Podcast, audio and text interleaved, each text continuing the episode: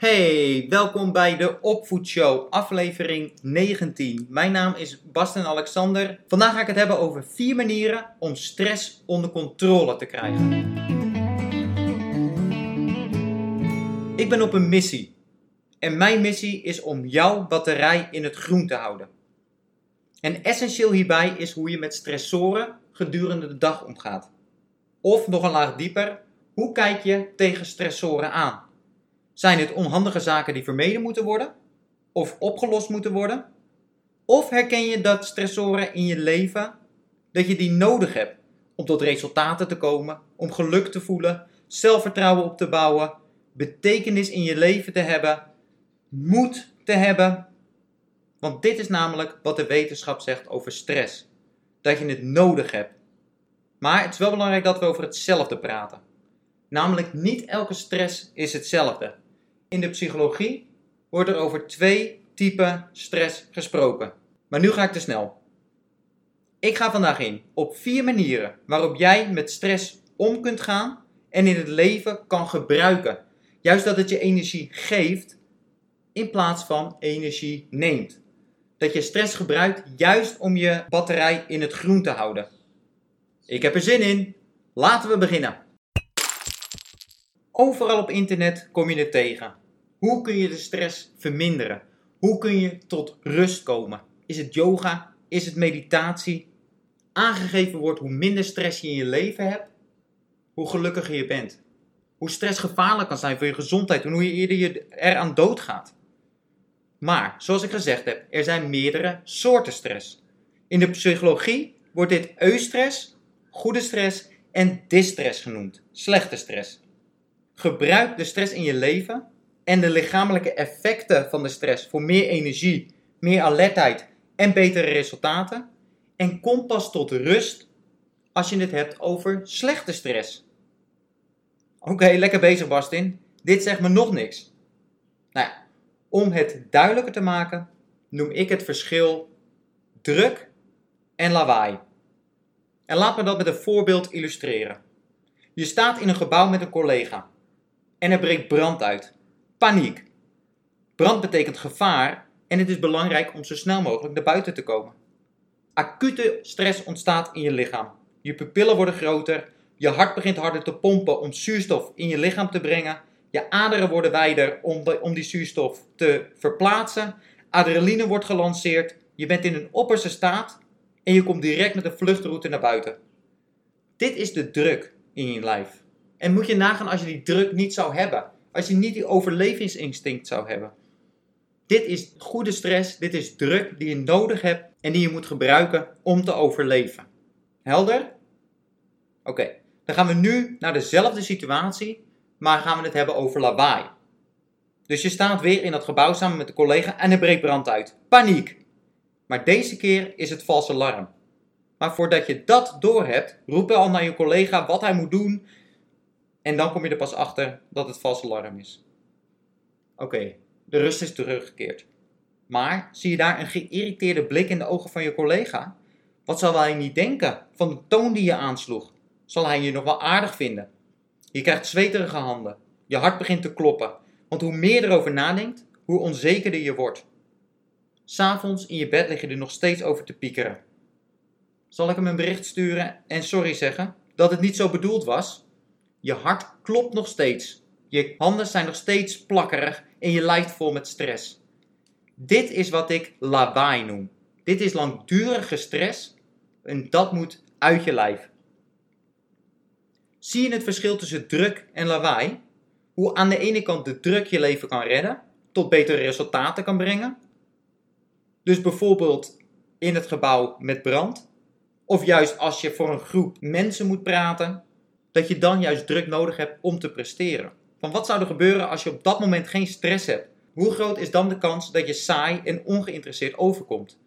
Juist dan dat gevoel van I am alive, dat is noodzakelijk. Hiervoor ben ik geboren. En die druk vertelt me, die stressreactie in mijn lijf vertelt me dat ik het aan kan.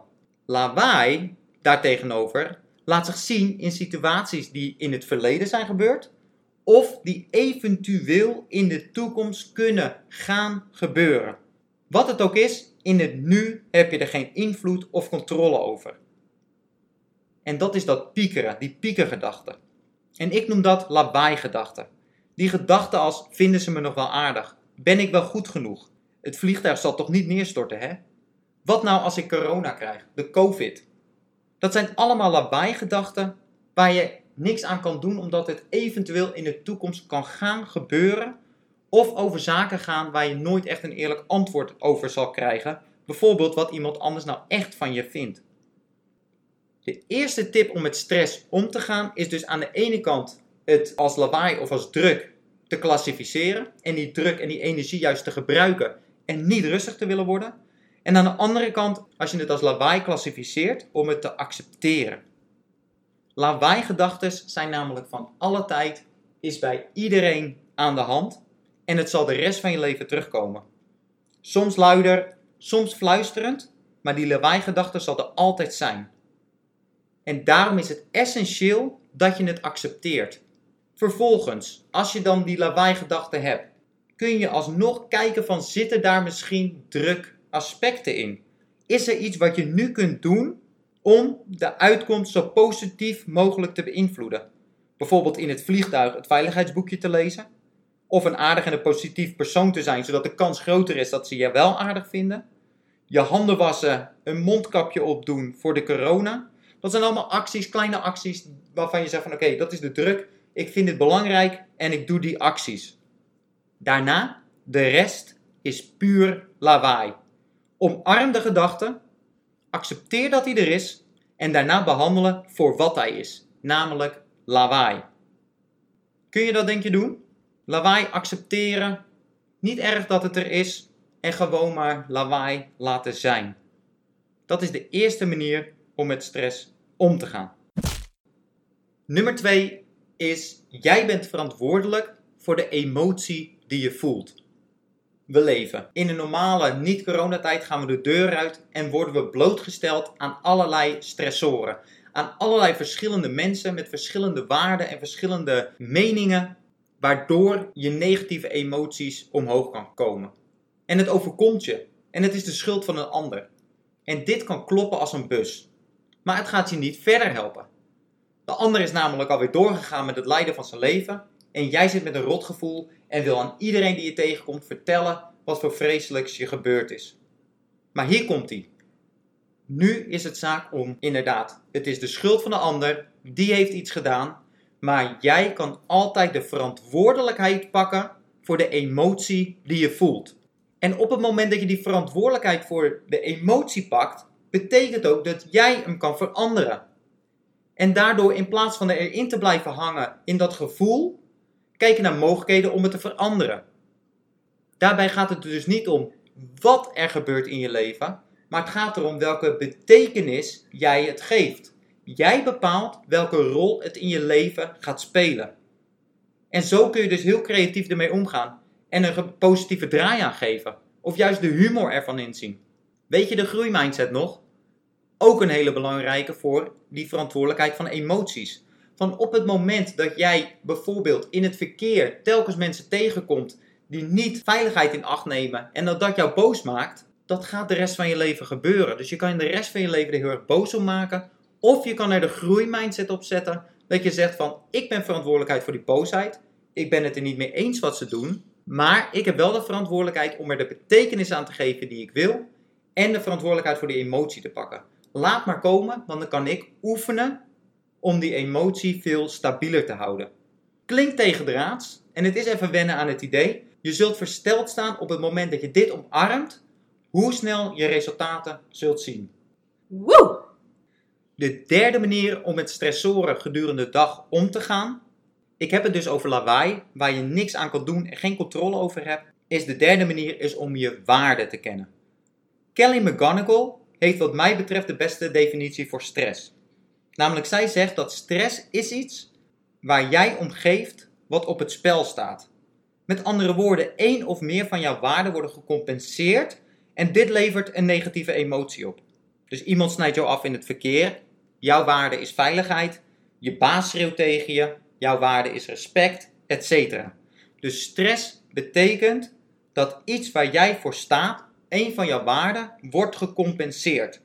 Die negatieve emotie kan vervolgens door drie zaken komen. De eerste, je legt de controle buiten jezelf. Met andere woorden, je verwacht van de ander dat die volgens jouw waarde handelt. Maar ik kan je nu alvast zeggen, er zijn biljoenen mensen met miljoenen verschillende waarden en er zijn een hoop assholes out there. Je gaat afgesneden worden in het verkeer. Iemand gaat tegen je schreeuwen, brutaal tegen je zijn. Mensen hebben totaal andere waarden en hebben ook hun eigen problemen en reageren het veel vaker tegen jou af op zo'n moment dan dat het iets met jou te maken heeft. En het belangrijke is dus daar niet op te focussen. Niet te focussen op het gedrag van de ander, maar te focussen op jouw waarde en om altijd vanuit jouw waarde te handelen. Want daar heb je controle over. En dan kom ik ook weer op terug op punt 2. Een ander maakt jou niet boos, je laat je boos maken.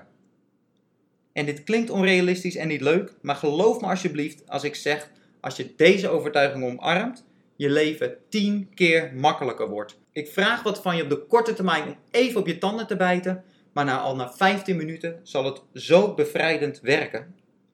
Dus dat is de eerste, je legt de controle buiten jezelf. Nummer 2 is je norm is niet realistisch. Dat betekent je legt de lat veel te hoog. Dat kan voor een ander zijn, maar het kan ook voor jezelf zijn. Het maakt niet uit hoe goed je het doet, je zal de criteria nooit halen omdat je de lat te hoog legt. En de derde is op het moment dat je waarden botsen. Je moet een beslissing maken en welke keuze je ook maakt, je moet een van je waarden compenseren. En op het moment dat je daarop focust op de waarde die je moet compenseren, zal dat stress opleveren. Bijvoorbeeld, jouw waarden zijn flexibiliteit en familie. Je leidinggevende vraagt of je iets langer wil blijven op het werk om een belangrijke presentatie voor de volgende dag voor te bereiden. Maar dat betekent dat je langer moet blijven, waardoor je je kind niet naar bed kunt brengen. Dus aan de ene kant heb je die flexibiliteit en wil je langer werken om die presentatie goed voor te bereiden. Aan de andere kant wil je je kind naar bed brengen. De keuze kan niet fout zijn, omdat wat je ook kiest, je een van je waarden versterkt. En in plaats van erop te focussen welke waarde je compenseert, focus nou op de waarde die je versterkt. Maak een prioriteit welke waarde op dat moment het belangrijkste is. En empower jezelf dat je bewust voor die waarde kiest en verstevigt die. Dus dat is de derde manier om met stress om te gaan. Ken je waarde en koppel die negatieve emotie aan die waarde, waardoor je bewust wordt waarom je die stress ervaart. En daar ligt dan vervolgens ook de oplossing in. De vierde, de laatste, dan kom ik terug op een eerdere aflevering van aflevering 15 en dat is die groeimindset. Problemen, uitdagingen, stressoren, die kom je altijd in het leven tegen. Maar de kunst is om ze te omarmen en te accepteren. En de groeimindset is powerful om in te zetten om met dit lawaai om te gaan. Door dankbaar te zijn dat die lawaai-gedachte er is en het als een oefensituatie te zien, waardoor je kan leren om met die situatie om te gaan. En hoe tegendraads het zo klinkt, hoe minder erg jij de lawaai-gedachte vindt, hoe minder zwaar die weegt. Er zal direct een last van je schouders vallen op het moment dat je uitspreekt: Ik ben dankbaar voor deze situatie, ik ben dankbaar voor deze gedachte, want nu kan ik ermee oefenen en mee leren omgaan. Negeer daarbij de emotie, negeer het gevoel, maar spreek puur die woorden uit. Want ik weet niet of je het nog weet, maar de woorden worden uiteindelijk je realiteit. Negeer de emotie, maar focus op je handelingen, op je woorden.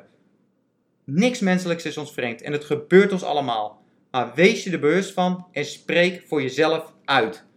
Ik ben boos en dit is oké. Ik ben dankbaar voor deze emotie, want hier wil ik mee om leren gaan. De vierde tip om met stressoren om te gaan is om de groeimindset te gebruiken. Wow, vier powervolle manieren om met stressoren om te gaan. En ik wil je voor deze week met de challenge een keuze geven om een van die vier te gebruiken. Bijvoorbeeld, je bent al met de groeimindset bezig geweest en die wil je doortrekken. Of je gaat juist met je waarde aan de slag.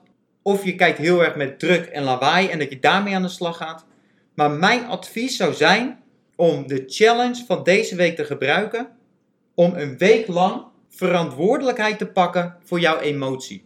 Om een week lang op het moment dat je negatieve emotie ervaart, om daar bewust van te zijn, te accepteren en daar verantwoordelijkheid voor te pakken.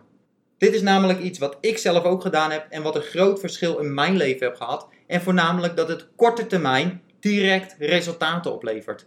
Dus als je hiermee de komende week aan de slag gaat, dan weet ik zeker dat je aan het einde van de week al de resultaten voelt.